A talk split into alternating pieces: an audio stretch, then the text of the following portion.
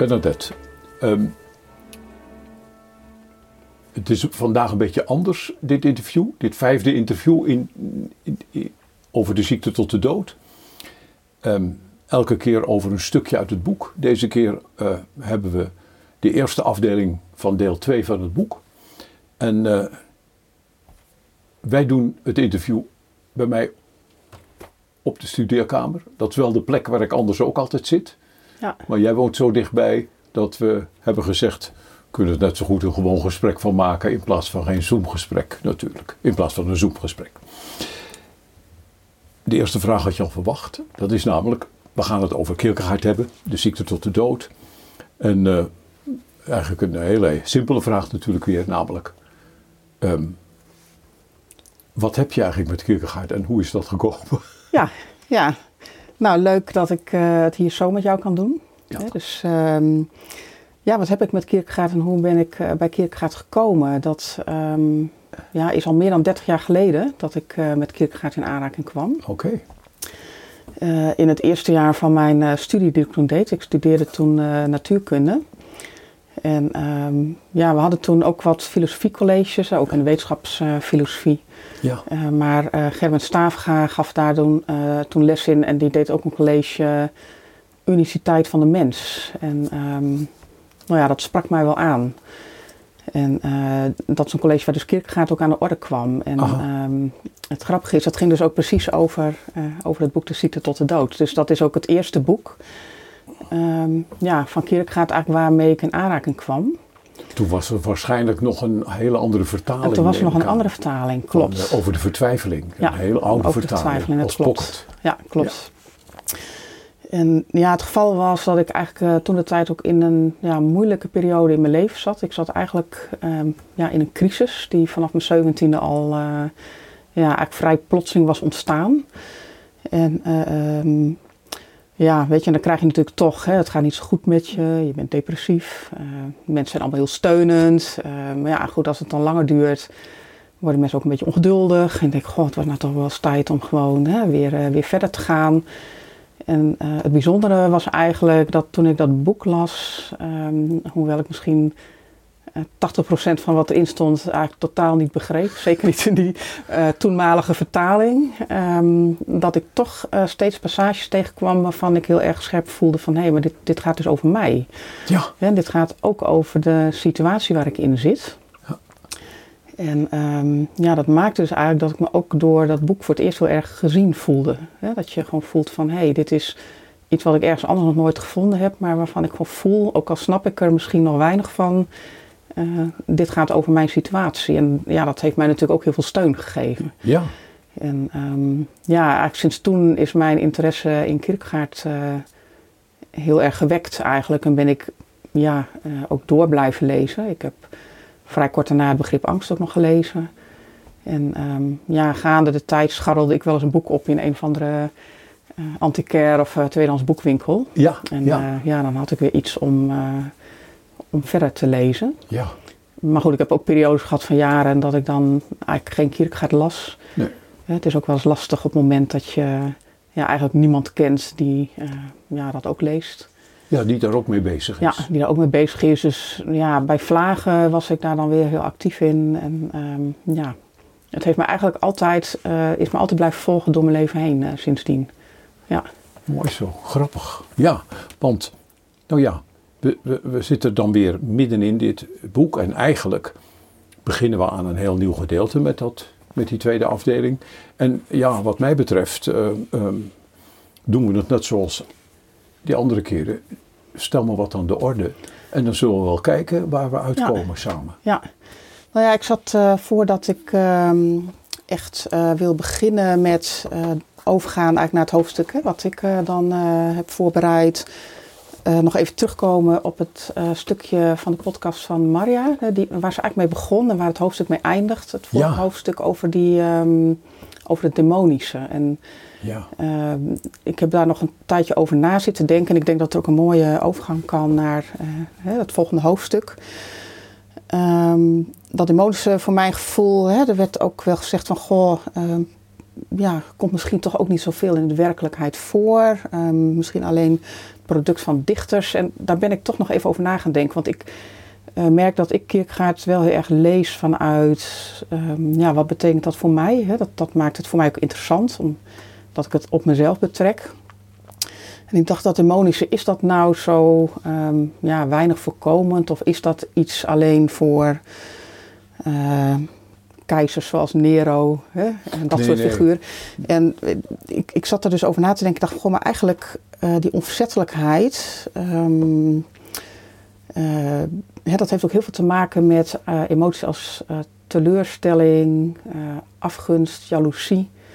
En dat zijn eigenlijk niet de, ja, de emoties waar je het graag over hebt. Hè. Dat brengt ook heel veel schaamte met zich mee. En ik dacht eigenlijk van nee, maar ik heb eigenlijk zelf wel een aantal situaties meegemaakt in mijn leven waarin ik dat daar wel heel erg ingezeten heb. En waardoor ik me heel erg goed kan voorstellen van ja, het is veel dichterbij dan je denkt. Ja. En, nou, um, ik, ik, ja, ik vond het wel boeiend. Uh, dat ik dacht van, hé, hey, maar dat... Want ik had toch het gevoel van, het komt nog niet dicht genoeg bij. En het kan nog dichterbij komen. Want ik denk dat het iets is wat juist heel veel voorkomt. Ja. En, um, nou, is het niet zo dat hij... Uh, kijk, de, de, de, in dat laatste hoofdstuk... We hebben dat natuurlijk als voorbeelden genoemd van iemand die, die dat die onverzettelijkheid tot in de, het uiterste doordrijft. Hè? Ja. Dus zich tegen het bestaan en misschien zelfs tegen God verzet onder het motto: Ik ben gemaakt zoals ik ben en dat zal iedereen weten, want dat ga ik bot vieren. Ja. Dat komt in zo'n scherpte vaak niet voor, maar, maar hij noemt dat demonisch, want hij zegt: Die geslotenheid die er dan is in zo iemand dat is een demonische geslotenheid. Ja. Maar dat woord demonische, dat is erg in onbruik geraakt. Dat was in Kierkegaard's tijd al zo. Maar hij heeft dat in het begrip angst heel ja, dichtbij gekregen volgens voor Ja. mij. Ja. Door te zeggen, het demonische, dat is angst voor het goede. En je denkt eerst angst voor het goede. Het goede wil toch iedereen. Maar je weet al heel gauw, nee dat is helemaal niet waar. Dat wat goed voor je is, het is maar de vraag of je daar naar uitgaat. Of dat, je, of dat het misschien zelfs verzet in je oproept. Ja. Dus eh, de, demonisch is geslotenheid, zegt hij ook daar. En demonisch is ook het onvrijwillig openbaren. Dus, dus het, het, het, je houdt iets in jezelf. Ja. Wat je niet uit, wat, Ja. wat niet naar buiten komt. En ehm, wat alleen ja, door, dat, door de aanraking met de vrijheid, zegt hij daar bijvoorbeeld, door, Ja. door de aanraking met het goede, kan het naar buiten komen. Ja. Maar in die zin is, zegt hij, het demonische heel breed. Ja. Want angst voor het goede komt veel dichterbij. Ja. Veel.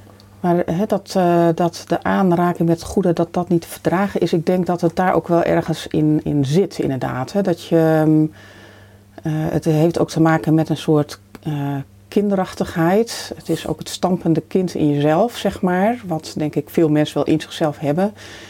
Eh, eh, maar wat je niet wil laten zien natuurlijk, want je bent gewoon een volwassen mens en eh, zo ga je, zo, hè, zo doe je dat niet. Maar toch komt het tot uiting omdat het eigenlijk in zijn verongelijkheid niet meer binnen te houden is. En nou, ik heb zelf dus wel een aantal van dat soort situaties in mijn leven gehad, waarbij je ook voelt van ja, maar dit is te erg. Dit kun je gewoon eigenlijk niet laten zien aan een ander. Eh, anderen gaan dit ook niet accepteren, zeg maar. Hè? Maar dat je wel die kracht eh, in je voelt.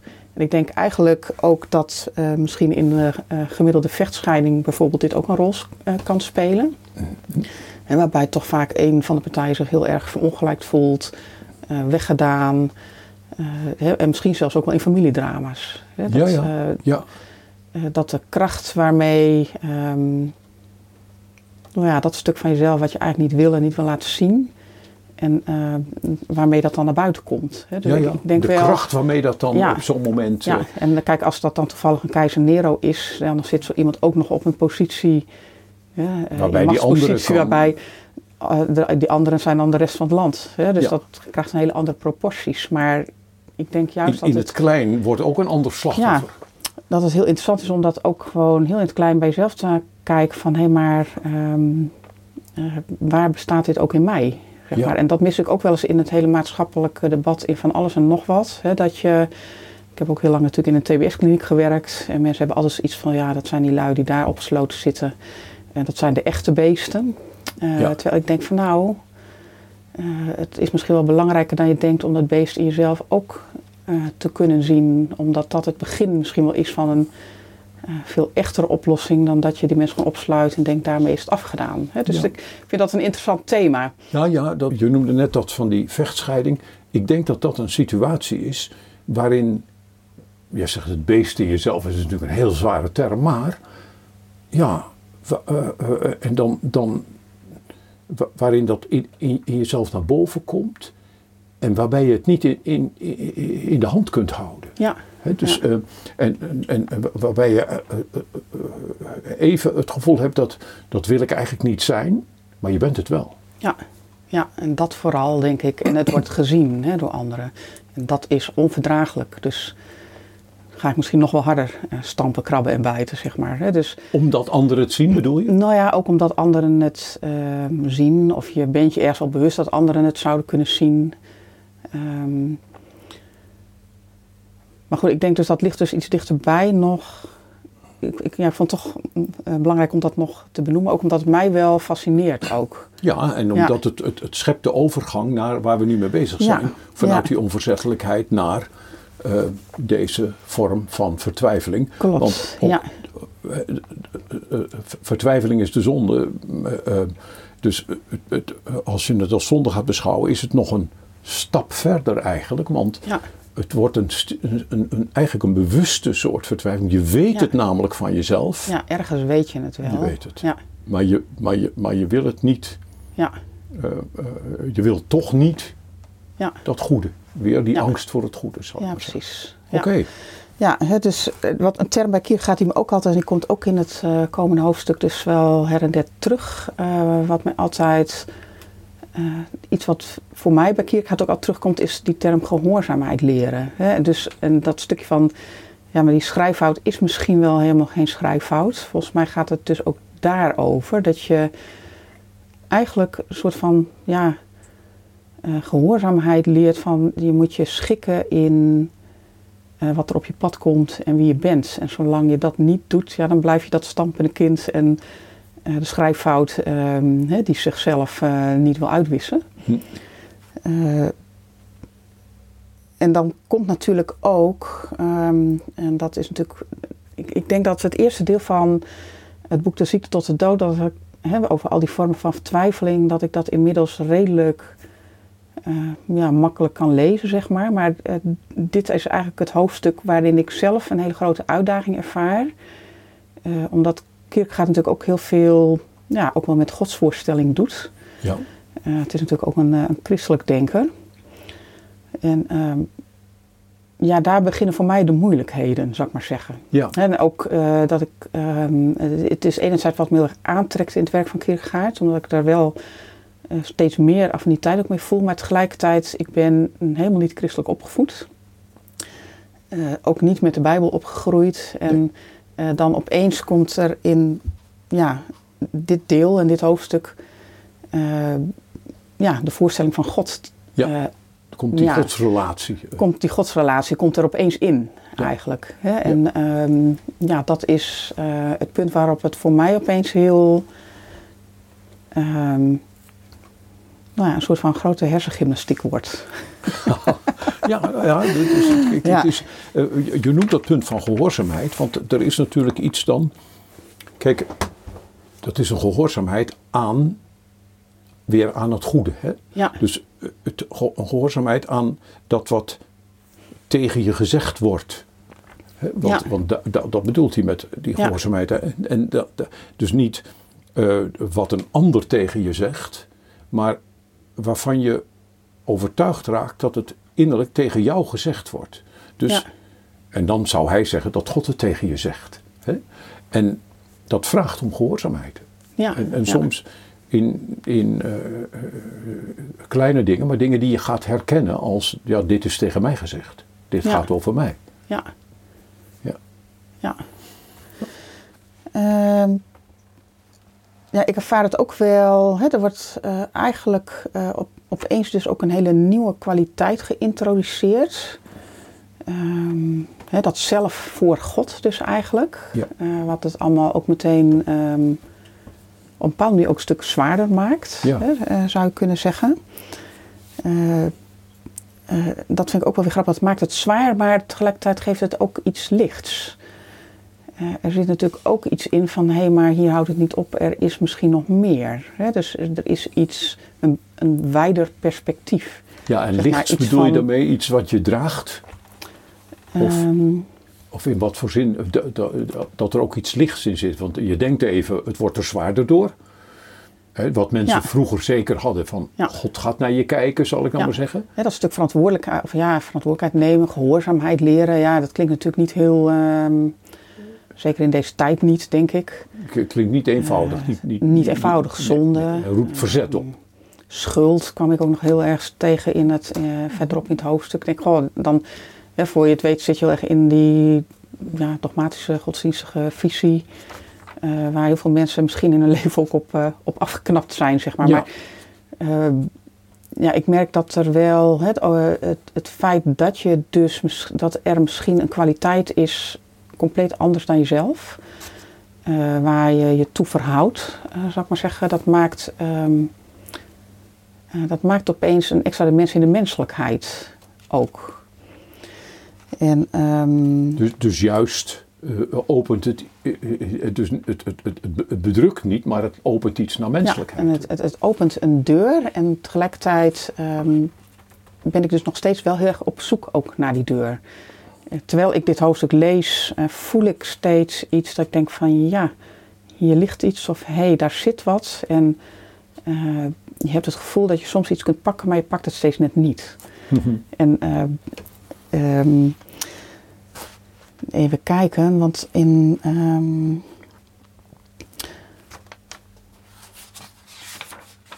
hij heeft het op een gegeven moment ook over eh, geloof. Hè? Want dat is wat mij dus heel erg boeit. Van wat is dan dus eigenlijk geloof? Dat is eigenlijk iets waar ik de laatste tijd al heel erg naar op zoek ben. Ook via het werk van Kierkegaard. Ehm, eh, je denkt dan mensen die daar al hun hele leven of meer gelovig zijn, eh, ja, die hebben daarin iets, misschien wat ik niet heb. Hè, dus ik ben daar heel erg naar op zoek. en dan komt uiteindelijk het eh, je doorzichtig gronden in God. Eh, hè, dus hij zegt ook van geloof is dat het zelf zich in, zich, in het zichzelf zijn en, en het zichzelf willen zijn, eh, doorzichtig grond in God. En dan denk ik, eh, dat klinkt heel mooi, maar wat is dat nou eigenlijk? Wat- ja, en dat wat- mag ik dan op antwoorden. eh, ja, nou ja, daar over van gedachten wisselen. Ja, nou Ik- ja, ik- weet ik je, het, eh, eh, wat, wat, wat hoor ik? Eh, Kijk, ik hoor in ieder geval dit. Dat, eh, want als je zegt, ja, er zijn, heel veel mensen zijn, of, of, nou, misschien van jongs af aan gelovig. Dat is nou precies waar Kierkegaard natuurlijk ook vraagtekens bij stelt. Ja. Juist ook in deze ook afdeling. twijfelt, ja. Ja, want kijk, eh, geloof is toch al heel gauw. ehm, dat, dat, is dan een pakketje wat je gelooft, zal ik maar zeggen. Bepaalde dingen die je wel of niet gelooft. En als je dat dan gelooft, dan ben je een gelovige. En zo is het voor Kierkegaard niet. Die zoekt naar het wezen van geloven. En het wezen van geloven heeft met vertrouwen te maken. Ehm, dat, dat is ook hetzelfde woord. eh, eh, Zowel in het Grieks als, als, als in, dus in de talen van de Bijbel. Is ja. Vertrouwen is het woord. En dan gaat het om Gods vertrouwen. Dus, dus hij gelooft, dat, is dat, dat heeft met een relatie te maken. En, en, ehm, en, en, en vertrouwen betekent, is natuurlijk een heel fundamenteel vertrouwen in je bestaan. Eh, vertrouwen dat God op je leven betrokken is. Op jouw leven betrokken is. En, ehm, dat, dat, is dus, dat, dat heeft dus iets he- heel blijs, zeg maar. Hè? Want, want dan, dan, als God op je leven betrokken is. En meteen is het ook die, opent het die deur van die gehoorzaamheid natuurlijk. Ja. Weer van, ja, maar dan is er ook, dan is er ook een bepaalde maatstaf, zal hij hier Ja. zeggen. Ja. Een bepaald doel, een bepaalde maatstaf waaraan je wilt beantwoorden, waaraan je leven, waaraan je je leven toetst en, en waar, waar, waar, als een spiegel waar je je in spiegelt. Ehm, En ja, het geheim is natuurlijk dat het, dat, dat het leven niet zwaarder maakt.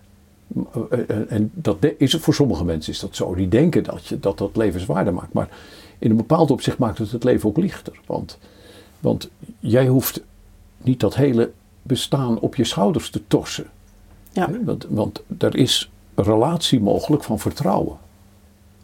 Nou, iets in die geest. Maar dan, we komen er nog wel, we komen er nog wel meer verderop in de loop van dit gesprek. Ja, dat uh, voel ik ook inderdaad. Want dat, verderop staan daar ook nog wel wat dingen over. En tegelijkertijd, kijk, als niet uh, ja, gelovig opgevoed, zou ik maar zeggen. het, het blijft toch altijd een beetje zo van gewoon, dan komt opeens iemand met God om de hoek. Ja.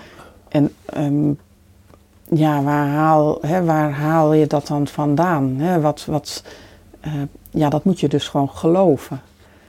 Uh, en toch, uh, ja, dat en dat is natuurlijk best lastig voor, ja, wie niet eigenlijk? Ja, kijk. Uh, denk ik. En, en dan krijg je, ik snap dus heel goed waarom mensen door de eeuwen heen altijd met die godsbewijs gekomen zijn. Terwijl je natuurlijk ergens, als je kirk gaat lezen, ook heel goed snapt dat dat dus helemaal nergens op slaat. Omdat dat precies bewijst dat je geen geloof hebt. Ja, Hè, als je dat nodig hebt. En, dat, dat, en dan kom je dus eigenlijk in die paradox. Hè? Ja, ja maar daarom, daarom zet hij ook altijd in als het om religiositeit, om geloof gaat, zet hij ook altijd in bij dat eerste.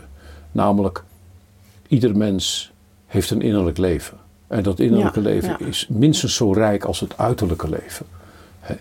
Het uiterlijke leven bestaat natuurlijk, eh, zo leef je eh, in allerlei sferen en je beweegt je. Maar voortdurend is daar ook iets gaande in jezelf. En als je ergens iets van God moet vernemen, dan moet het daar zijn.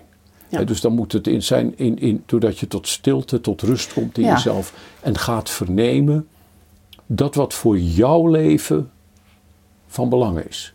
Ja. En als je iets verneemt van wat voor jouw leven van belang is, dan zou ik zeggen, het heeft altijd met God te maken. Ja. Als je kunt liefhebben, heeft met God te maken. Want het heeft, als je kunt vertrouwen, je gaat gelooft dat het vermogen tot liefhebben en het vermogen tot vertrouwen in een mens gelegd is. Dus dat is ook iets bevrijdend, dat is erin. Ja. Hij zegt, je doet een ander nooit groter dienst dan dat je gelooft dat de liefde in iemand woont. En, nou, ja, we hebben het straks over, even over die TBS-kliniek, maar je doet geen mens, wie het ook is en wat hij ook heeft uitgespookt, geen groter dienst dan dat je gelooft dat, dat hij kan liefhebben. Dan dat je gelooft dat hij kan vertrouwen. Ja. En dat hij daarvan enorm kan zijn weggedreven, maar dat hij daarna terug kan keren. Dat hij dus naar dat innerlijk van hem kan terugkeren. En daarmee keert hij naar God. Want in het, dat is zo prachtig met die definitie, in het jezelf zijn en in het jezelf willen zijn, grond de mens zich in God. Oké, dus hij draait het om. De, in het jezelf zijn en in het jezelf willen zijn. Ja. Dus in, dat, in die inkeer in jezelf, in dat tot rust komen in jezelf, in dat gesprek met jezelf, keer je tot God. Ja. En dat vind ik zo'n. En natuurlijk valt er dan over het christendom en over de komst van Jezus in deze wereld van alles te zeggen. Ja. Veel meer dan dit. Maar je moet het niet omdraaien. En dat is wat ook in christelijke ringen veel gebeurt. Dan begint men eerst met een geloofsbeleidenis en eerst met Jezus enzovoort. Maar je kunt er pas iets van gaan begrijpen als je eerst. Ja, die beweging in jezelf die, hebt die gemaakt. beweging in jezelf. Ja. Want daar kan God spreken. Ja. En dan kan het ook persoonlijk worden. Ja, en dat is dan best. En kijk, en daar wordt het dan ook weer zwaar. Want dat is nogal een uh, verantwoordelijkheid en een taak, zeg maar. Want hij zegt dan even verderop ook. Um, uh, alles wat niet uit geloof is, is zonde. Ja. En, uh, maar dat is best ingewikkeld, want er zijn nogal wat mensen die uh, misschien vanuit hun perspectief vol vanuit geloof dingen doen. Um, ja, waar toch een heleboel narigheid uh, uit voortgekomen is. Weet je, en ik, ik, moet ook een beetje denken aan het verhaal hè, wat Kierkegaard heeft over Abraham bijvoorbeeld. Hè. Uh, dat is natuurlijk ook iets complex, hè, dat Abraham uh, zijn zoon, uh, hè, opdracht van God krijgt om zijn zoon te offeren. Um, uh, kijk, in dat boek zie je dan dat het anders in elkaar zit. Maar de eerste gedachte die je natuurlijk als soort weldenkend mens hebt, is van God, het is gewoon een geloofsfanaticus. Ja. ja. Maar er zijn natuurlijk ook ehm, ja, in de geschiedenis gewoon heel veel hele ja, ernstige dingen gebeurd vanuit mensen die toch vol overtuiging hè, bij wijze van spreken de eerste jihadist is wel echt in zijn volle overtuiging uh, met het goede bezig. Ja, maar en, kijk, di, di, um, dit is ook precies waarom bijvoorbeeld uh, uh, Paul Cliteurs, een hoogleraar in Leiden, rechtsfilosofie, rechtsgeleerde, die, die, die, die zegt Vrees en Beven is het, is het gevaarlijkste boek in de filosofie. Ja. Dat komt omdat hij het niet begrijpt. Hè? Dus hij zet het op één lijn met terrorisme. Dus dat ja. die terroristen zeggen ook dat ze om Allah te dienen, doen ze dit. Ja, maar dan heb je het boek niet begrepen, want het eerste wat, wat er van hem gezegd wordt, Abraham kan alleen maar die zoon offeren als hij hem lief heeft zoals niemand zijn zoon lief heeft. Dus Abraham moet, moet, moet dat is het eerste wat van hem geëist wordt. Ja. Dat hij die zoon lief heeft op een manier uh, uh, zodat, die, zodat het werkelijk een offer gaat worden. Dat Ja. kan je van een terrorist natuurlijk niet zeggen, want die doet precies het omgekeerde. Ja. Dus zo iemand heeft dat boek niet begrepen. Maar ik ga nog even terug naar die, want je draaide het namelijk om. Je zegt, alles wat geloof, uit geloof is, is zonde. Um, Wat niet maar dat betekent niet Ja. dat alles wat um, niet uit geloof is, dat dat dan niet zonde is of zo. Kijk, alles wat niet uit geloof is, is zonde. Dat betekent niet alles wat uit geloof is, is daarmee goed. Nee, want dat is logisch al niet juist. Hè, want dat, je, je, je begrijpt, als uit P Q volgt, volgt Ja. uit niet Q, niet P en niet Nee, nee. uit niet P, niet Q. Dus de, de, de- dat is even voor de duidelijkheid. Als die tekst zegt, alles wat niet uit geloof is, is zonde. Dan wordt daarmee bedoeld dus, alles wat niet uit vertrouwen is, dat is zonde.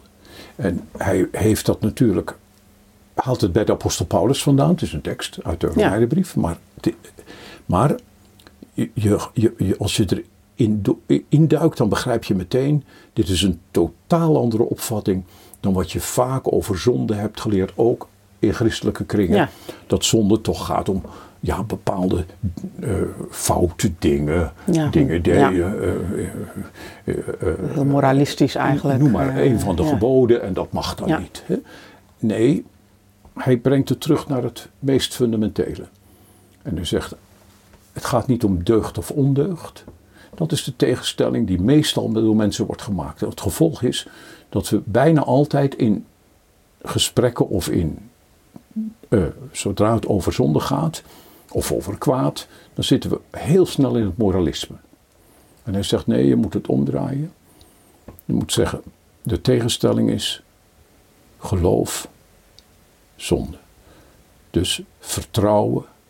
Als je het met vertrouwen vertaalt, dan, dan bijna iedereen voelt dat meteen aan. Wat Ja, niet ja. uit vertrouwen is, Ja. dat is kwaad. Ehm, dat is met liefhebben ook zo wat niet.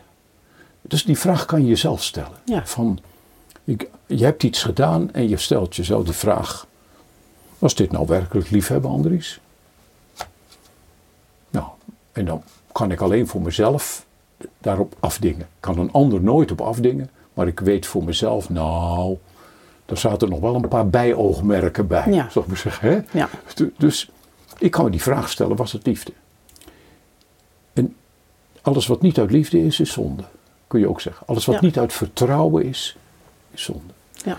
Dus dan krijg je een niet moralistische en heel innerlijke definitie van zonde. Want niemand kan zien of een bepaalde daad van mij uit liefde is of niet. Twee mensen kunnen precies hetzelfde doen. En de een kan het met liefde doen en de ander kan het doen omdat hij zijn brood mee verdient. Niks tegen, hè, maar ik bedoel, het is een wereld van verschil. Ja. Ja? Of je um, uh, uh, iemand verzorgt met liefde of dat je iemand verzorgt. eh, uh, misschien zelfs met tegenzin. niemand kan het verschil zien aan de buitenkant. Ja, als je heel goed oplet, misschien kun je wel wat zien. natuurlijk. En als je psychologisch geschoold bent, dan zal je nog iets meer kunnen zien. Maar in principe, Kierkegaard zegt in het boek over de liefde ook, twee daden kunnen precies hetzelfde effect hebben aan de buitenkant, maar er aan de binnenkant totaal verschillend uitzien. Ja. En dan kom je bij een heel andere zondeopvatting, want dan kan een ander niet uitmaken. Een ander kan voor mij niet uitmaken of iets uit vertrouwen is of niet. Of iets uit liefde is of niet. Dus word je teruggeworpen op jezelf. Ja. Ja, op jezelf. En dan snap ik ook wel hè, dat voor God, zeg maar. Hè? Omdat dat, uh, het voor God zijn, dat werpt je ook volledig terug op jezelf. Ja. Uh, omdat daar niemand anders bij inbegrepen is. Uh, omdat jij het dan alleen daarmee staat, eigenlijk. Voor en, God. En ook eigenlijk als enige kunt beoordelen. Ja. Er wordt van je gevraagd dat je in een innerlijk gesprek voor je geweten, zal ik nou maar zeggen, dat ouderwetse woord, voor je geweten, uh, ja, verantwoord voor jezelf. Ja. Ik heb een, een, oud iemand gekend en uh, die zei altijd, ja, s'avonds dan, dan laat ik de film van de dag voorbij gaan en dan denk ik, uh, Tine, zo heette ze, van... Um, ja, hoe is dat nou gegaan? En dan laat ik allerlei situaties van hoe heb je je daar nou gedragen? Dus, want het, ja, het enige gedrag waar je echt over na kunt denken, is natuurlijk je eigen gedrag. Ja. Ten slotte. Ja. ja? Het is ook zo'n beroemde pedagoog die zegt: het enige gedrag wat je direct kunt beïnvloeden is je eigen gedrag. Dat bedoelde hij als je voor de klas staat. Ja. ja. Oké. Ja. Ja. Eens even kijken. Uh.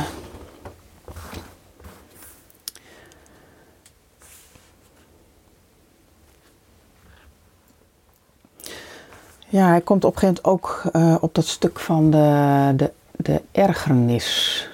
Um, de ergernis, ja. Dat vind ik dan uh, ook wel interessant. Um, uh, eigenlijk voel je zelf al ergernis als je zo'n hoofdstuk als dit leest, omdat het je zo ja, uitrekt en uitdaagt en je kunt er niet bij of net niet bij. Um, hè, dus dat het geloof ook ergernis oproept, uh, ja, dat is eigenlijk wel goed te snappen. Ja. ja, Ook, uh, ik kan me ook voorstellen dat als je echt mensen ziet, dingen ziet doen vanuit geloof en je snapt helemaal niks van, dat, dat, je, dat gewoon heel irritant is inderdaad. Hè. Uh, maar bij de lees van het hoofdstuk voel ik het ook al. En um, ja, het is natuurlijk ook die paradox waar je de hele tijd in heen en weer op allerlei manieren zit je steeds in die paradoxale ja, ja, uitersten eigenlijk. Hm. Um, maar hij zegt eigenlijk, de ergernis heeft ook, voor mijn idee tenminste, eigenlijk twee functies. Hè. De ene, enerzijds, um, ja, iedereen die er maar een beetje oppervlakkig mee omgaat of er niet aan toe is, die wordt door de ergernis eigenlijk buiten de deur gehouden. Hè. Want dan denk je, oh, dat is niks. Of, ach, dat is maar, zeg maar een paar... Uh, eh, van die gelovigen. Eh, eh, dus de mensen die op de een manier die connectie niet willen of niet zoeken, worden ook meteen afgeketst. Ik, merk dat ook wel heel vaak, dat vind ik soms ook jammer, hè, want Kierkegaard is natuurlijk een christelijk denker. En ik heb wel eens het gevoel van, goh, het zou mooi zijn als hè, een aantal mensen in mijn omgeving uh, er wat mee in contact kwamen. Ik denk van, er staan soms hele mooie dingen in. Waarvan ik denk, god, het is echt iets voor die. Uh, maar op het moment dat ze dan de eerste zin lezen, denk ik, oh, maar dit is christelijk, uh, dus dat is niks. En dan wordt het boek eigenlijk meteen weer weggezet. Hè? Dus de ergernis is er dan onmiddellijk eigenlijk. Ja, nou, die, die, dat is maatschappelijk natuurlijk wel zo. Of merk je natuurlijk wel van. Uh, ik denk aan. Uh, als je zo'n gesprek op de televisie. en er zit toevallig iemand bij. die gelooft. dan, dan, dan, dan, dan merk je altijd een zekere wrevel. heel gauw. En dat is natuurlijk. Um, ja. De, de, dus, dus in eerste instantie roept het. kan het verzet oproepen. Ja. En, en, soms hebben mensen dat er ook wel een beetje naar gemaakt, moet ik eerlijk zeggen. dus um, uh, alleen, ja, het, het, het, is zo jammer, want, want als het werkelijk iets wezenlijks is, dan is uh, de, de, de, dit wel een hele goedkope manier om er vanaf te komen, ja. van verzet. Maar goed, dat is natuurlijk ook wel, uh, kijk, als je er je niet meer in wil laten, omdat je misschien onbewust ergens wel aanvoelt, dat als je er mee inlaat, kom je natuurlijk, uh, dan ga je het niet meer makkelijk krijgen. Nee, nou ja, ik, He, dus, ik ken dit ook, want kijk, als mensen wel zich erin verdiepen, dan komt die ergernis ook. Want ja. ik ken ook mensen die, um, en, en dat begrijp ik ook, je gaat lezen over Jezus bijvoorbeeld. Um, iemand besluit de Bijbel te gaan lezen en, en, en, en gaat even, eh, begint met een van de evangeliën bijvoorbeeld te lezen. Uh, kan ook het Oude Testament, maar het maakt niet, niet uit. Hij begint met een van de evangeliën te lezen. En er komt in aanraking met een figuur als Jezus en hij denkt, ja maar wacht even dit is een veel te hoge eis. Ja. Dit ben ik niet van plan. Dit, dit, dit, ruïneert me voor een deel. Dit, dit, stelt zulke hoge eisen aan mezelf. Dan moet ik bepaalde dingen opgeven. Ja. Van mezelf. Ja, en dat, dat is natuurlijk ook een hele hoge eis. Want ik denk, ja, wie doet dat nou? Ik, ik heb er zelf ook wel eens over nagedacht. Ik word altijd gefascineerd wel door het verhaal van de rijke jongeling. Ik denk, ja, ik, ik, ik zou die jongeling ook zijn je gaat toch denken van ja, maar moet ik dan echt alles weggeven? Nou, dat is toch wel een beetje te veel. ja, ja, en dan, dus die ergernis, ja, en dan word je natuurlijk met jezelf geconfronteerd. Uh, ja, dat je er dus nog niet naartoe bent, zou ik maar zeggen. Of dat, uh, dat je, ja. je gaat uh, terug met een wetenschap over jezelf die niet echt heel fijn is. Nou ja, in ieder geval in dit geval, dat is, ja. die, die, rijke jonge man, ja, ja die, die, die, het, het is natuurlijk Kijk, het, het, is ook niet zomaar op iedereen van toepassing, maar het is natuurlijk, want het is altijd heel persoonlijk in die verhalen van Jezus. Hè? Dus deze jongeman, die wordt geknepen, zal ik nog maar zeggen, op dit pijnpunt voor hem. het is helemaal niet zo, want je komt later wel verhalen, ook in het Nieuwe Testament tegen, van mensen die iets weggeven. Gaat helemaal niet om dat ze alles weggeven. Dus alleen in dit verhaal speelt dat pijnpunt voor deze jongeman. Ja, voor die jongeman is eh, dit misschien wel alles. En, ja, en, en, en ehm, dus hij, dat, dat, hij heeft het daar moeilijk mee, dat staat er. En, ja. en dan staat er, Jezus keek hem aan en, en staat, hij kreeg hem lief. dus dus, dus het, hij vindt hem uiterst sympathiek, maar hij weet, hier ligt voor jou het pijnpunt. Hier ligt voor jou het pijn. Dat hoeft niet voor iedereen zo te zijn. En je kunt het ook niet zomaar algemeen toepassen, maar daar lag het pijnpunt. En ehm, dan is het moeilijk, want dan roept dat, ja, maar er staat er geen bedroefd heen. Dus er staat niet eens van, bij deze jongeman staat er niet eens ergernis. Maar er ging bedroefd heen, want hij bezat vele goederen. dus, dus hoe het afgelopen is, weten we nog niet eens. maar het, dat het een pijnpunt was, dat, het dat is heel zeker. Ja. Ja, en tegelijkertijd voel ik er ook wel in, hè, als je dan zegt gewoon, het hoeft niet zo te zijn, het is natuurlijk niet algemeen toepasbaar en dat is ook zo. En tegelijkertijd zit je meteen weer op dat eigenlijk paradoxale, hè, paradoxale hellende vlak van, ja, maar voor je het weet ga je het voor jezelf weer vergoeilijken. Dus dan kan ik wel weer rustig op mijn bank gaan liggen met mijn boekje en een kopje thee een keer gaat lezen. Ja, dus daar zit altijd dat spanningsveld. En uh, wat mij opviel is dat hè, enerzijds stoot die ergernis dus af. Hè, dus eigenlijk de beveiliging van het geloof tegen alle nou ja, speculatie, oppervlakkigheid, al dat soort dingen. Tegelijkertijd lijkt het ook, misschien kun je daar iets over zeggen, um, alsof die ergernis, hoe meer ergernis er is, hoe dichter je bij het geloof bent. Althans, dat lijkt die.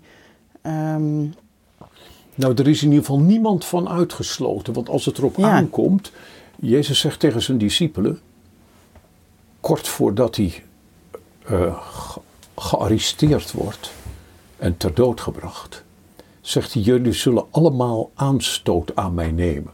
Ja. En dat woord aanstoot is het woord ergernis in, de, in het Grieks. Dus scandalon. Dus de, de, jullie zullen allemaal je aan mij ergeren. Je zullen aanstoot aan mij nemen. En de een na de ander ontkent het, zegt van, eh, van nee, maar. En Petrus zegt het heel expliciet. Hè? Ja. Al zouden ze allemaal aanstoot uit u nemen, ik niet. Oké.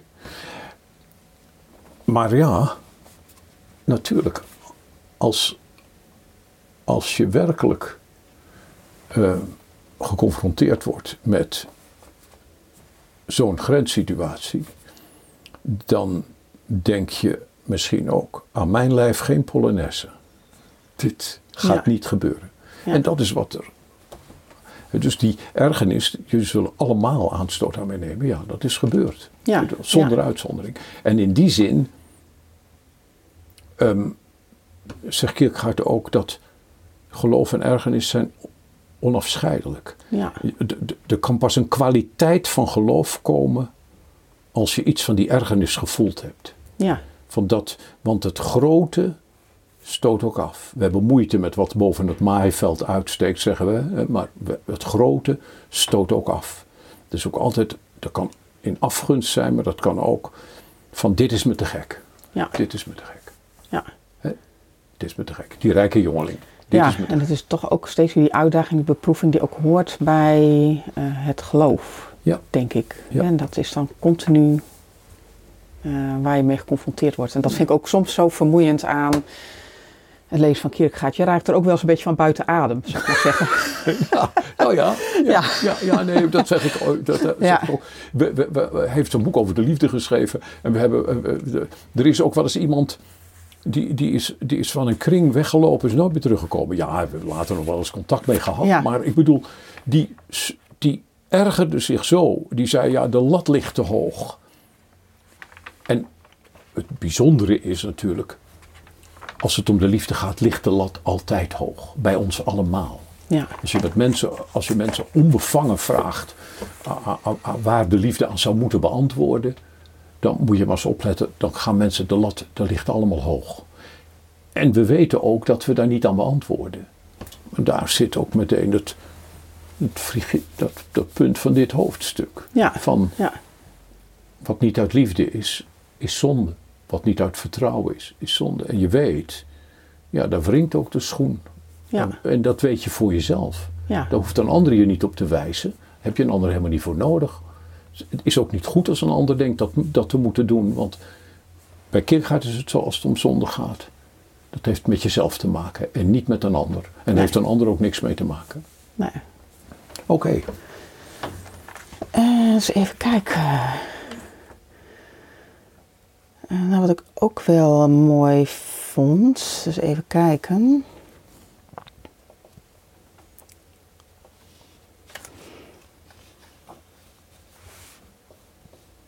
Nou ja, die zonde, hè, hij heeft het ook over Socrates. ja, Ehm, Socrates, zeker.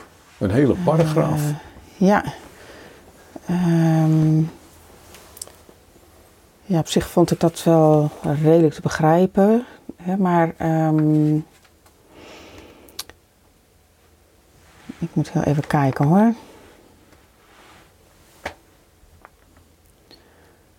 Ehm, ja, die wil die komt daar ook ja, echt om de hoek. Hè? Want eh, als ik het goed begrijp dan, eh, zegt eh, ja, wat meer in het Socra Socratisch of Griekse denken, zeg maar, ehm, gingen ze er echt van uit eh, ja, dat iedereen die het goede ook echt kent, eh, het ook doet, zeg maar. En als je het niet doet, dan eh, heb je het niet echt gekend. Ik vind het een beetje cirkelredenering eigenlijk ook, hè? waarmee je eigenlijk eh, Ja. tegelijkertijd ook wel heel redelijk. Eh, Want ergens denk je van ja, als je echt het goede kent, eh nodigt dat ook uit om meteen te gaan doen. Want anders Ja, ken ja. je het misschien niet. Op een tegelijkertijd, ja, daar zit ook ook weer die ergernis in. Eh, geconfronteerd met je eigen beperkingen. Ehm, ehm, Nou, dat, dat is natuurlijk een belangrijk punt. Hè? Dat Ja. je, kijk, die, die, die, die, die ergernis, daar houdt men vaak geen rekening mee. Maar die, die is er dan natuurlijk ook. Hè? Kijk, iets waar je, waarvan je erkent dat het goed is. Maar als het... Kijk, het zegt ergens bijvoorbeeld... eh, kijk, je moet je verstand goed gebruiken. Hij- daar hamert hij erg op hoor. Je moet je verstand goed gebruiken. En als het nou om het ethische gaat, zegt hij... Kijk, dan moet je eigenlijk... eh, heel erg goed je verstand gebruiken. En dan moet je gaan nadenken eh, wat het verstandigste zou zijn. ja, En dat moet je dan niet doen. Want wat het verstandigste is, is lang niet altijd ethisch verantwoord. Nee. Want, hè, eh, eh, noem maar iets, dat, dat kan met je geld te maken hebben. Als je alleen maar winst wil maken, en dat is als het om geld gaat heel begrijpelijk, maar of je daar nog gelukkiger van wordt, dat is maar de vraag. En, en die vraag, die moet je je wel stellen. Dus nou, eh, eh, eh, altijd weer, ehm, het verstandigste, dat is niet altijd het goede. Heel zeker.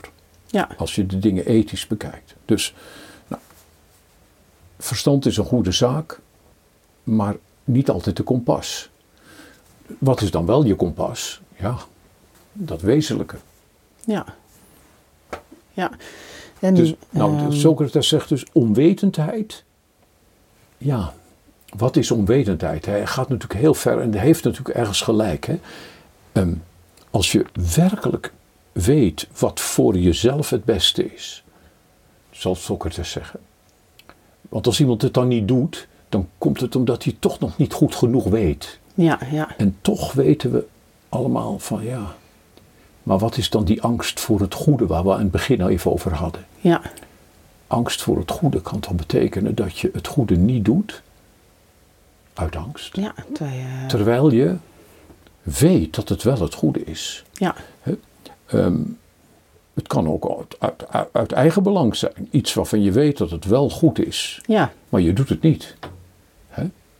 Eh, Want het kost een te hoge prijs. Je vindt Ja. dat het, de prijs te hoog is. ja, Ja, ga Ja. er maar aan staan. ja. Ja, en dat vond ik ook wel, hè, want kijk, je, eh, dat vond ik ook mooi dat hij dan schrijft eh, het, eh, het goede, hè, eigenlijk bewust het goede niet doen, zeg maar, of in ieder geval dat daar ook een wilselement in zit. hij ehm, beschrijft dat dan verderop weer iets anders. Hè. Eh, dat vond ik eigenlijk ook wel heel herkenbaar, hè, want het is niet altijd zo dat je wel weet wat het goede is, maar het dan toch niet gaat doen, maar eh, dat element van ja, een beetje verslapping. Hè? Dat je dan zegt eh, van nou, want ja, stel dat je meteen in beweging moet komen en dat gaat moeite kosten en dat gaat pijn doen, omdat je weet van dit is het goede en ik ga strijden voor de goede zaak. Ja, de neiging om te denken van nou ja, ik slaap er nog eens een nachtje over en dan zie ik morgen wel hè, hoe de situatie dan is. het En of punt nog wel echt nodig is. En denk ik van ja, dat, dat, dat vond ik dus wel heel herkenbaar. Dat je denkt van hé, hey, maar kijk eens naar je eigen leven. Hoe doe je dat eigenlijk zelf? Hoe vaak is het eigenlijk niet zo dat je denkt van nou ja, eh, ik zie nog wel eventjes. Of Ja. eh, ik kom er straks nog wel eens op terug. Of, ehm, en op het moment dat het dan eh, blijft liggen, eh, wordt het in de loop van de tijd ook allemaal wat minder erg. En dan denk je, nou ja, het is misschien ook niet helemaal. En iemand anders doet het wel. En, Ja. en dan langzaam maar zeker, heel eh, ongemerkt en geniepig, pleit je jezelf eigenlijk vrij. En kun je weer rustig eh, Ja. doorgaan in. En, en, Ja. en, en kan je de indruk hebben, maar de helft is ook goed genoeg. Ja, Zal ik nou maar zeggen met toen straks dat beeld. De helft is ook goed genoeg. ja, En, en ja, maar zo werkt het. Dus, dus eh, de, de wil speelt een heel belangrijke rol, zegt hij daar in dat verhaal natuurlijk. Hè. Die wil, die Die- kennis, ja. dat weten en die wil, dat het goede wil eigenlijk meteen gedaan worden. En het, het is dus al, al, al die ideeën van theorieën over het goede, the- eh, allerlei ethische theorieën. Het is Ja. allemaal prachtig, maar het is allemaal op papier. Ja. Begrijp je? Je, je, je, je, je vertrouwt het aan het papier toe. Dat is het beste wat we moeten doen. He- Heel simpele dingen als eh, ehm, we moeten allemaal wat soberder leven. Dat is goed voor het klimaat, hè, voor het milieu. En iedereen beaamt dat. Ja, ja, dat zouden we eigenlijk moeten allemaal beetje wat soberder leven. ja, En, en je begrijpt, eh, ik heb diezelfde dingen 50 jaar geleden gehoord. Hè? Ja. Eh, het is alleen maar erger geworden. Of, ja, Ja. eh, dat is het probleem. Dus, ja. Maar dat komt door datzelfde mechanisme van, eh, nou ja, mm, bijvoorbeeld dat iemand ook zegt, ja, maar dan moet je het wel met elkaar eens zijn. Dan moet iedereen het, moet iedereen het doen. Ja, ja, En dan ben je het meteen ook weer zelf kwijt. Want Ja. of het gaat over je eigen leven en het is iets persoonlijks en dan wil het meteen gedaan worden. Vandaag nog, zegt hij, Ja, in dezelfde seconde waarin je het goede begrepen hebt. Ja. En wat je dan net zegt, dat mechanisme om het in ieder geval tot morgen te laten rusten. ja. En ik, ik vind het wel mooi, want het goede moet meteen gedaan worden. En dan denk ik van, nou, dan is er nog wel een opdracht eh, te doen. Ik heb altijd wel bewondering voor die mensen die inderdaad eh, iets waarnemen en denken van, hé, maar dit is onrecht. En dan onmiddellijk eh, daarop reageren. Ja. Hè, bij wijze van spreken van, goh, er is onrecht, want er zijn mensen die eh, niet eens eh, ja, fatsoenlijke kleding aan hun lijf hebben omdat ze eh, geen geld hebben. arm zijn en dan ehm, ja, in actie komen om dat betekent iets Nou, een kledingbank te starten of zoiets. En, allerlei, dus dat, ik vind dat dat zit ook een bij, dat heeft ook iets onmiddellijks. Hè, als je het hebt over de onmiddellijke mens. Ja. die misschien op een bepaalde manier hier helemaal niks mee heeft, zeg maar. Hè, al die doordenkingen. Ja, ja maar wel vanuit dat onmiddellijke dus wel meteen in actie komen. En ik denk ook, uh, als je wel hier de hele tijd mee aan het puzzelen bent, voor je het weet, lig je inderdaad alleen maar Kierkegaard te lezen op de bank met een boekje en een kop thee. Juist. En um, uh, dat, ja, dat, dat, daar, daar zit wel iets. Kierkegaard zou zeggen, die heeft het dan over de eenvoudige mens en de eenvoudige wijze. Hè? En de eenvoudige wijze is Socrates het voorbeeld van. Maar die eenvoudige mens, die eenvoudige mens weet wat hij doen moet en die doet het meteen. Die wijze misschien ook wel, maar die weet dat hij iets niet weet of die weet dat hij het wel weet. Ja. En die, maar na lang overwegen moet hij tenslotte bij hetzelfde punt uitkomen waar die eenvoudige al was. Ja. Die dat al gedaan heeft. En hem staat één ding te doen, dat is niet erg hoor dat je zo hebt zitten nadenken, maar de tijd die je daarmee verspild hebt ook, die kun je niet zomaar meer inhalen, want die eenvoudige is je al voor. Want die heeft het al gedaan. En jij moet het nog steeds doen. Je hebt een beweging erbij vandaan gemaakt, maar je moet toch weer dat goede handelen wordt nog steeds van je gevraagd. Ja. Dus ja, die eenvoudige wijze en de eenvoudige mens, die, die kunnen van elkaar leren. Ja. Die kunnen van elkaar leren. Want die, dat is die mens die je zo beschrijft, die dus ja, eigenlijk op intuïtie meteen weet dit is het goede. Wat we eigenlijk ten diepste zelf ook vaak hebben. Ja, en, weet je dat ook die wel. Dan, die dan weet, ja. Alleen dan denk je zelf nog, maar dit is ook wel heel veel moeite. Of dan moet ik wel heel veel, of dat... En je ziet allerlei problemen. En, en daar denk ik van, ja, maar dat is dus zonde. Juist, juist. dat is dus zonde. ik, heb, ik heb wel eens een, als onderwerp gekozen, wat je eigenlijk moet doen, dat moet je doen. Ja. Mensen zeggen, eigenlijk zou ik even naar de buurvrouw moeten. Om even te kijken hoe het met haar is. Ja. Wat je eigenlijk moet doen, moet je doen. Moet je, en dat betekent weer in dezelfde seconde dat je dat bedenkt, eigenlijk meteen doen. Ja, moet het uitgevoerd worden. Moet of in actie, ja. ja. Oké. Ja, ja. Um, nou ja, het, het, het, gaat dus met Socrates dus natuurlijk ook om, hè, van als er dus eigenlijk geen... Uh, uh, dat um, zonde is eigenlijk onwetendheid, maar christelijk gezien is er dan eigenlijk geen zonde. Hè? Want um, uh, bij zonde is het een, ja, wel iets wat je in bewustzijn voor God eigenlijk doet, hè? als ja. ik het goed begrepen heb. En wat is dan geen zonde? Um, nou, als je echt niet weet, je doet iets verkeerd, maar je hebt echt geen benul van dat je iets verkeerds doet. Nee. Dan kun je eigenlijk niet, ja. Nee, als werkelijk je het echt niet weet, dan werkelijk onwetendheid, ja, dan kun je dat eigenlijk geen zonde noemen. Hè? Dus dat, zelfs, dat stuk wil zit daar dus heel sterk in. Als iets onwetendheid is, ik heb het in een noot ook aangehaald. Je vindt Ja. zelfs, ook in de Bijbel, in, in Leviticus en Numeri vind je dus onwetendheid, dat spreekt vrij. Eh, Ja. betekent niet dat je, dat je natuurlijk niet iets fouts gedaan hebt. Dat je, eh, dat Ja. je best later tot inkeer kunt komen en zeggen, Ja. dat had ik, heb ik toch niet goed gedaan. Maar als je werkelijk onwetend bent, kan je niet van zonde spreken. Nee. En dus dat is ook heel belangrijk, want anders dan ga je Ja. elkaar ook daar ook weer een mee. beetje net als met een kind. Als je weet, hè, als kind weet je niet altijd wat wel en niet mag. Dus Precies. je doet iets en dan blijkt opeens dat dat niet mag, zeg Ja, maar. Ja, ja. je kunt het zo'n kind niet kwalijk nemen, Nee. eigenlijk. Hè. Dus dan is er eigenlijk geen sprake van zonde. Nee, er is geen sprake van. Is zelfs in de, eh, eh, bij- de wet. Daarom begint die, de, bur- de, het burgerlijk wetboek met iedere Nederlander wordt geacht de wet te kennen. Dat is natuurlijk een, een geheimpje aan het begin. Want je, dan kun je nooit zeggen, ik heb het niet geweten. Maar Ja. dat is natuurlijk een beetje flauwekul. Want in, in, het, het, het kan gebeuren dat je iets niet wist. Ja.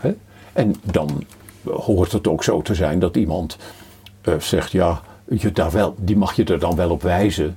Maar die moet je een waarschuwing geven. Zo vind Ja. ik dat, zo hoort dat dan in Ja. zo'n geval. Hè? Ja. Eh, als iemand het echt niet wist, dan moet dus, je natuurlijk ehm, niet meteen van de hoge toren blazen. Ja, dus die mensen zijn eigenlijk op dat moment niet zondig, hè, zou je kunnen Nee. zeggen. En tegelijkertijd introduceert hij dan eh, nog een begrip, namelijk eh, openbaring. dat, dat er eigenlijk via een openbaring van God eh, jou duidelijk gemaakt moet worden wat zonde is. Of ehm, ja, dat God dat openbaart, dat daar een openbaring voor nodig is. Dat, dat snap ik dus nog niet helemaal goed. Eh, dat klinkt, en dat, eh, ja, zo'n openbaring lijkt me vrij zeldzaam. Dus eigenlijk pleit dat ook haast iedereen weer vrij, zou je kunnen zeggen. Ja. Hoe, Ja. zou je- ja, hoe zit Ja, dat? dat- ja, wat, dat- het is natuurlijk hoe je dat woord openbaring. ja, wat eh, is een in- openbaring ook? Ja. Hè? Ik denk, ehm, Kijk, een- een openbaring betekent een verheldering. Hè? Dus er is een verheldering nodig ehm, waar we over aan het praten zijn. Hè? Onwetendheid. ehm, eh, zonde is onwetendheid eh, voor die Grieken. Dus, dus eh, ehm, nou denk je, ja, daar moeten we verder in kunnen komen. Dus het is niet zo dat, dat, dat het dan betekent dat je dan, omdat je maar op een openbaring moet wachten, dat je niet verder kunt komen met je denken. Want je kunt denken, wacht even, onwetendheid en onwetendheid is twee. Ten eerste, begrijpen en begrijpen is namelijk twee. Dus, wacht even. Ehm, heb je nou iets echt niet begrepen of hou je je ook een beetje van de domme? Ehm, is het een onwetendheid waar je zelf ook aan mee- meegewerkt hebt? Hou je, hou je het liefst ook een beetje jezelf onwetend? nou, dus die vraag stelt Socrates niet. En, en hier, daar gaat Kierkegaard wel op in. En langs die lijnen kun je gaan begrijpen van, wacht even, het kan dus gebeuren dat je via die wil ehm, je oren laat hangen naar het lagere, zegt hij dan. Hè? Dus dat bedoelt hij mee je gemakzucht of zoiets. Hè? En dat je daarmee niet doet wat je eigenlijk zou moeten doen. Dus je kunt wel begrijpen dat, er een, een, dat je een licht op moet gaan. Van wacht even. Dit is zonde. In mij. Ah. En, en dat zou, ik denk dat hij dat een openbaring zou noemen. Van dat ineens gaat je een licht op. En je weet, dat doe ik.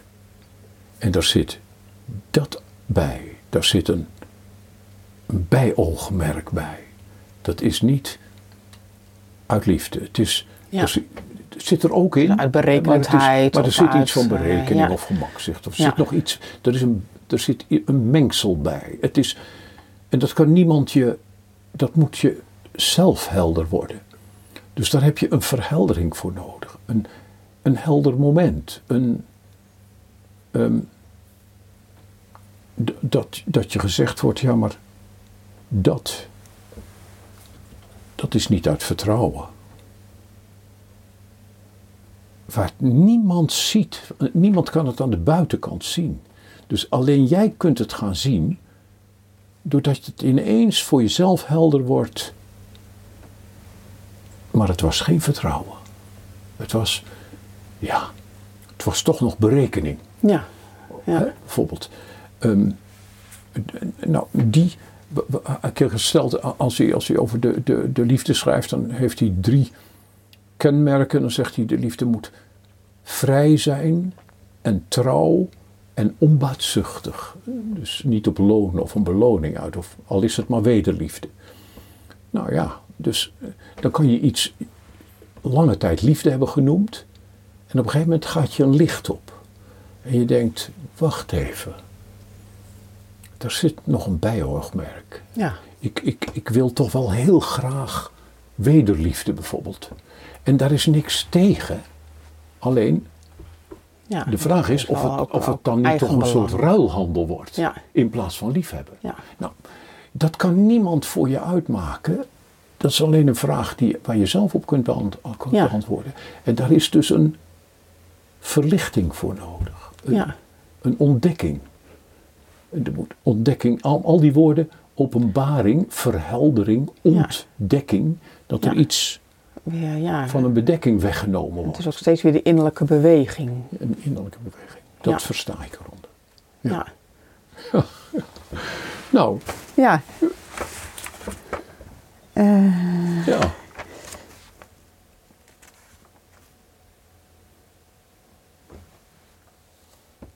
Even kijken hoor. Ik, moet even, ik vind het best een ehm, nou, pittig, ehm, nou, pittig hoofdstuk. Ik merk dat het uh, ook best lastig is om daar goed uh, een lijn in vast te houden. Ja. ja dus ik. Um,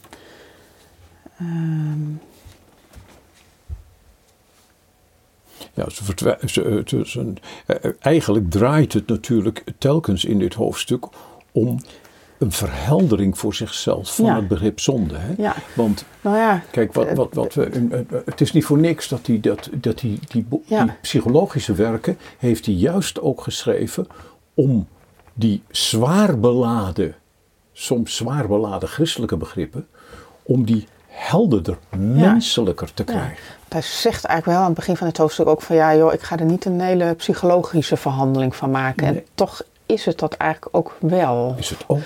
want um, zoals jij het nu ook uitlegt en uh, mijn vragen daarop reageert, uh, dat brengt het voor mij alweer dichter naar mezelf hè, hmm. eigenlijk. Uh, omdat voor mij, ja, godsdienst en geloof, dat zijn toch dingen die een soort van ver van mijn bed zijn geweest altijd. Ja. maar met Kierkegaard dus wel een intrede hebben gemaakt in mijn leven. En um, ja, ook wel steeds sterker hè, gaande um, ja, de weg, zou ik maar zeggen. Uh, dus het brengt het, ja, ik denk, kijk, ik denk ook de strekking van het hoofdstuk is, het, uh, het is eigenlijk niet uh, te begrijpen. het gaat om het onbegrijpelijke, om het wezenlijk andere. Ja. dus uh, eigenlijk kun je ook daar wel meteen ophouden, zou je bijna kunnen zeggen, erover na te denken. Ja, of meteen, um, maar in ieder geval, kijk. Ja, je kunt het nooit. Uh, hè, ik kan jou natuurlijk nu vragen van leg maar eens uit wat is geloof of wat is dan God en dan moet je dat dan zien. Maar je kunt daar omheen lopen, in de buurt komen, het aanraken, maar je kunt het nooit uitleggen. Ja, dus ergens als ik dit lees, heb ik de behoefte van leg me het uit en dan wil ik het voor eens voor altijd gesnapt hebben. Maar in het hoofdstuk zelf staat al dat dat het dus niet is, hè, dat dat dus niet kan. Zijn eerste boek, Vrees en Beef, hebben we het al even over gehad. Of zijn eerste boek, maar het eerste eh, kleine boek na, na de Of Of. Dat boek gaat over geloven. En dan zegt hij eigenlijk, dit is het gebied van geloven. Dat is een gebied. Maar geloven heeft te maken met vertrouwen. Ja, heeft te maken met een relatie tot je innerlijk, een relatie tot God. Daar kun je niet, dat past niet in een systeem. Maar je kunt er van alle kanten omheen lopen. Dus hij gaat vanuit het ethische, vanuit het esthetische, vanuit het mystieke. Op allerlei manieren loopt hij eromheen en tast hij dat gebied eigenlijk af. En toch kun je dat menselijk ook weer begrijpen, want je denkt, dat is net als met liefhebben. Um,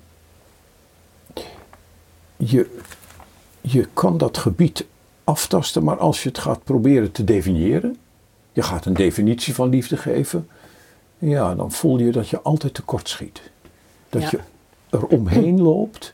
En dat is met vertrouwen net zo. Als je een definitie van vertrouwen geeft, terwijl ik ervan overtuigd ben dat ieder mens weet waar je het over hebt. Ja. En dan bedoel ik natuurlijk, moet je dan eerst loskomen, als het bij liefde helemaal, dan moet je loskomen van dat idee van, ja, ik zeg maar, de, de liedjes, uh, een één op één relatie. Niks tegen, hè? bij Kierkegaard is allemaal prima. Maar dat is voor driekwart zelfliefde. Zo. En daar is niks tegen. Hè? Ja. Maar nee, maar ik bedoel gewoon het liefhebben zelf. Dat is als een beweging in een mens zelf ga er maar een definitie voor proberen te geven en, je, en het schiet altijd tekort. Het is, je kunt er omheen lopen, je kunt het van allerlei kanten benaderen, je kunt er ook allerlei aspecten van naar voren. Wat ik net zei, bijvoorbeeld, liefde, eigen, liefde zou vrij moeten zijn en trouw en onbaatzuchtig. Ja. Nou, prachtig, dan loop je eromheen.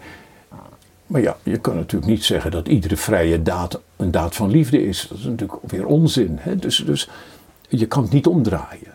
Ja. nou, dat, dat is ze, uh, waarom hij, wat hij in zo'n hoofdstuk doet. Ja, en dat is denk ik ook uh, waarom hij aan het begin van dit hoofdstuk dus voor God plaatst. Eigenlijk omdat je dan wordt teruggeworpen op die absolute verantwoordelijkheid. Hm. Um, ja, die natuurlijk ook eh, schrikbarend is. Want liever ja, loop je er misschien ook wel weer keihard voor weg, zeg maar. Maar dat is waar hij je wel voor plaatst. En Ja. op het eind heeft hij het dan ook over die geesteloosheid. Ja. Hè, ehm, ja, hoe gemakkelijk het is eigenlijk om bijvoorbeeld in een comfortabel leven waar misschien niet zoveel gebeurt en je hebt het goed en ehm, er is wel eens een probleem, maar goed, dat los je weer op en is het weer klaar. Hè, eh, voor je het weet breng je je leven door in geesteloosheid. Heb je misschien nooit bij dit soort dingen stilgestaan. Hè? Ook, Ja. ook niet een klein Ja. beetje. En ehm, Maar er wordt geen mens mee geboren, zegt hij. nee, er wordt geen mis mee gebeuren. En als je dus- dat ja. uit je leven meeneemt als laatste, dat is natuurlijk een tragiek waar je zelf bij bent. Want Ja. daarom komt hij op dat thema liefde aan het eind terug. Ja. Verliefdheid. Omdat het, dat vind ik dan zo leuk met hem. Want dat is, verliefdheid, dat is natuurlijk iets waar mensen meteen een beetje van, oh ja, dat is, dat is mooi, dat is prachtig, dat is iets. En dat is het ook. En dan gaat je geloven met verliefdheid vergelijken. En dan zegt hij, dat, in die richting moet je het zoeken. Als het gaat om, het is een hartstocht. Eh, Vertrouwen is een, is een ab- absolute hartstocht. Ehm, net als verliefdheid. En niemand hoeft je te zeggen, eh, of te gaan redeneren. Ga er nou niet over redeneren, want hoe meer je over verliefdheid redeneert, dan raak je het kwijt. Ja. Dan raak je het kwijt. Dus je moet, je moet er niet over redeneren, je moet het ook niet verdedigen. Maar tot jezelf door laten dringen. Ja, geloven, dat heeft, is net zoiets als met liefhebben. Het is een, eh, het is een, dat is een beweging van vertrouwen. ja, En het is een beweging Ja. die, je, die je elke dag eigenlijk maakt. Ja. als liefhebben. ja. Is die elke dag opnieuw. Het is niet zo van nu heb ik dat en nou is het klaar. Nee. Dus het is een, eh, ja, een taak die elke seconde opnieuw, en een beweging dus eigenlijk die elke seconde opnieuw moet worden gedaan. Daarom kan die ergernis er ook ieder jaar, iedere Ja, keer weer zijn. en je dat- denkt, verdikken ja. Nou heb ik dat vandaag. Eh, Ja. ik, ik, op- je kijkt terug en je denkt, ja, dat is goed gegaan. Je wilt gewoon met tevredenheid op terugkijken en dan een tijdje achterover Ja. kunnen leunen. Maar dat gaat dus niet. En ik denk ook van, het, het, daar staat ook van, het, die geestloosheid is echt, ook echt je eigen schuld. Het is niet de schuld van het leven omdat je er niet mee geboren wordt. Maar het is, ehm, ja, op het moment dat je ongevraagd geboren wordt, hè, van spreken, is het toch helemaal jouw verantwoordelijkheid. Ja. Ja. Eh, Nou, Als je het laat afweten, dan laat je het afweten. Ja. En, en, en er is, ik bedoel, dat betekent dus, hij zegt ergens over het ethische, dat de herhaling is het moeilijkste. Kijk, je hebt mensen die, die onder de stoïcijnen dan, die, die beriepen zich erop dat ze zo'n enorme zelfbeheersing hadden. Jawel, dat is mijn eerste vraag altijd. Ik ga even met hun vrouw praten. Eens even horen hoe dat is met die zelfbeheersing van die man. Want als, degene die daar het meest van weet, dat is in ieder geval zijn eigen vrouw. En dus dat is al één punt. Van laat ik met, met haar eens gaan praten. Hoe is dat eigenlijk met die zelfbeheersing? Is dat er elk, elke dag en elk uur? Is dat er altijd? Want het is natuurlijk prachtig als je je op een, in een bepaalde situatie hebt kunnen beheersen. En dan ben je blij mee dat je niet uit je slof geschoten bent. Ja. enzovoort. Maar ja, je weet ook, morgen moet het weer. Het is nooit, het ethische Het nooit af. bestaat dus bij de herhaling. Het is, Ja. het, het le- maar het leven is nooit af. Nee. En, en, en daarin zit dan ook, denk ik, ehm, ja, de zonde. Hè? Ik denk, de, het is ook net alsof het geloof kan niet zonder de zonde bestaan, zeg maar. Omdat de zonde, zondigheid is, tenminste dat meen ik dan te begrijpen hieruit, de zondigheid is ook wat je tot het geloof brengt. Het, het gek is, je moet misschien ook zondigen, omdat als je niet bekend bent met zonde, kun je misschien wel niet tot het geloof komen. Nou ja, in ieder geval, Ehm, in ieder geval is dit... De- de- is hier- die beweging hoort ook heen en weer te gaan en het bewustzijn daarover. Zonder de zonde dan weer goed te praten. Ook daar zit iets paradoxaals in weer. Daar zit iets paradoxaals in. Maar is het ook niet zo dat, kijk, ehm, je, je, je, je, eh, n- n- dat zou kunnen dat je zegt van, van de, de zonde brengt je daar, maar het, zou net zo goed andersom kunnen zijn. Dat, je, dat de zonde je juist van verwijdert door de ergernis. Hè? Ja, Dus, dus nee, het, het, ik, ik denk dat, dat er wel een verband is. Hè, want ehm, ik vind dat lastig te begrijpen hoor. Want er is, dat is echt, denk, wat is dan dat verband? Of wat, tussen Zonde, ja, zonde en, geloof, zeg maar. Dat het op een bepaalde manier niet zonder elkaar kan, maar ehm, ja, het is ook geen vrijbrief om maar te gaan Nee. zondigen te passen. Maar geloof, passen. Ja. geloof ontdekt. Dus, kijk, als geloof vertrouwen is, dan ontdekt het natuurlijk. Net als het liefhebben. Kijk, dat is het, het, het positieve aan het liefhebben, is het liefhebben. ja, Maar het liefhebben ontdekt ook, als je erbij bepaald wordt in jezelf, ontdekt ook het niet liefhebben. ja, Nou, dat is met geloven precies zo. Het vertrouwen is het mooiste wat er is. Maar het vertrouwen ontdekt ook altijd onmiddellijk het niet vertrouwen. Dus in die zin ontdekt het geloof de zonde. Want het vertrouwen ontdekt het niet vertrouwen in jezelf. ja, Je denkt, daar ging het niet goed. ja, En het liefhebben ontdekt het niet liefhebben. En, en, en in die zin, ja, roepen ze elkaar op, denk ik. ja. En in die zin verruimt het ook je bewustzijn met een soort eh, sprong, misschien ook En wel. daarom Ja, komt hij hier ook tenslotte op het woord verzoening. ja, ja Omdat dat, daar had ik anders, ook- zou, ja. anders zou je er natuurlijk niet kunnen zijn. Ja, Want dan zou je voortdurend in die zelfveroordeling terechtkomen. En dat is nou juist het, het bijzondere, dat hij zegt, wie het niet vertrouwen en het niet liefhebben ontdekt, en daarmee de zonde ontdekt. Dat is het wonderlijke, zegt hij met dat christelijke, dat dat meteen, dat dat eigenlijk de verzoening kent. In de zin van, die ontdekking, daar word je niet op afgerekend. Wij rekenen, wij mensen rekenen met elkaar af op dat wat niet goed gegaan is. Ja. Dat had jij anders Ja. moeten doen. Ja, dat blijven we altijd je nadragen. Juist, dat Ja. nadragen. En, en ook altijd. Hè? Ik bedoel, Ja. daar hoef je geen TBS'er voor te zijn. Maar mensen dragen Nee. elkaar de dingen na. Soms eh, een, heel, een heel leven lang. Soms zelfs over generaties heen. Met grote fetes in families en zo. Dragen mensen de dingen na. En dat is het geheim natuurlijk. Dat, dat gelooft hij. God draagt de zonde niet na. Dat is verzoening. Ja. Nou goed. Ja, Wat mij betreft is dat eh, eigenlijk wel een bijzonder einde. ja. Dan moeten we het, eh, wat mij betreft, er, het voor deze keer hierbij laten. Wat denk jij? Eh, ja, ik vind dat ook wel prima eigenlijk. Volgens Zo mij is het wel een mo- mooi afgerond geheel zo. En ehm, ja, ik vond het ook een fijn gesprek. Ik denk dat ik voor mezelf weer wat dingen helder heb gekregen. Maar goed, wij praten natuurlijk al vaker met elkaar. Ja. Elke keer als je denkt dat je het helder hebt, dan ben je even later dat je denkt, oh nee, toch niet. Nee. Dus in die zin blijft het de uitdaging. Ja. Eh, En blijft het ehm, gesprek. En blijft het gesprek. Oké. Ja. Ja, graag. Graag. Oké.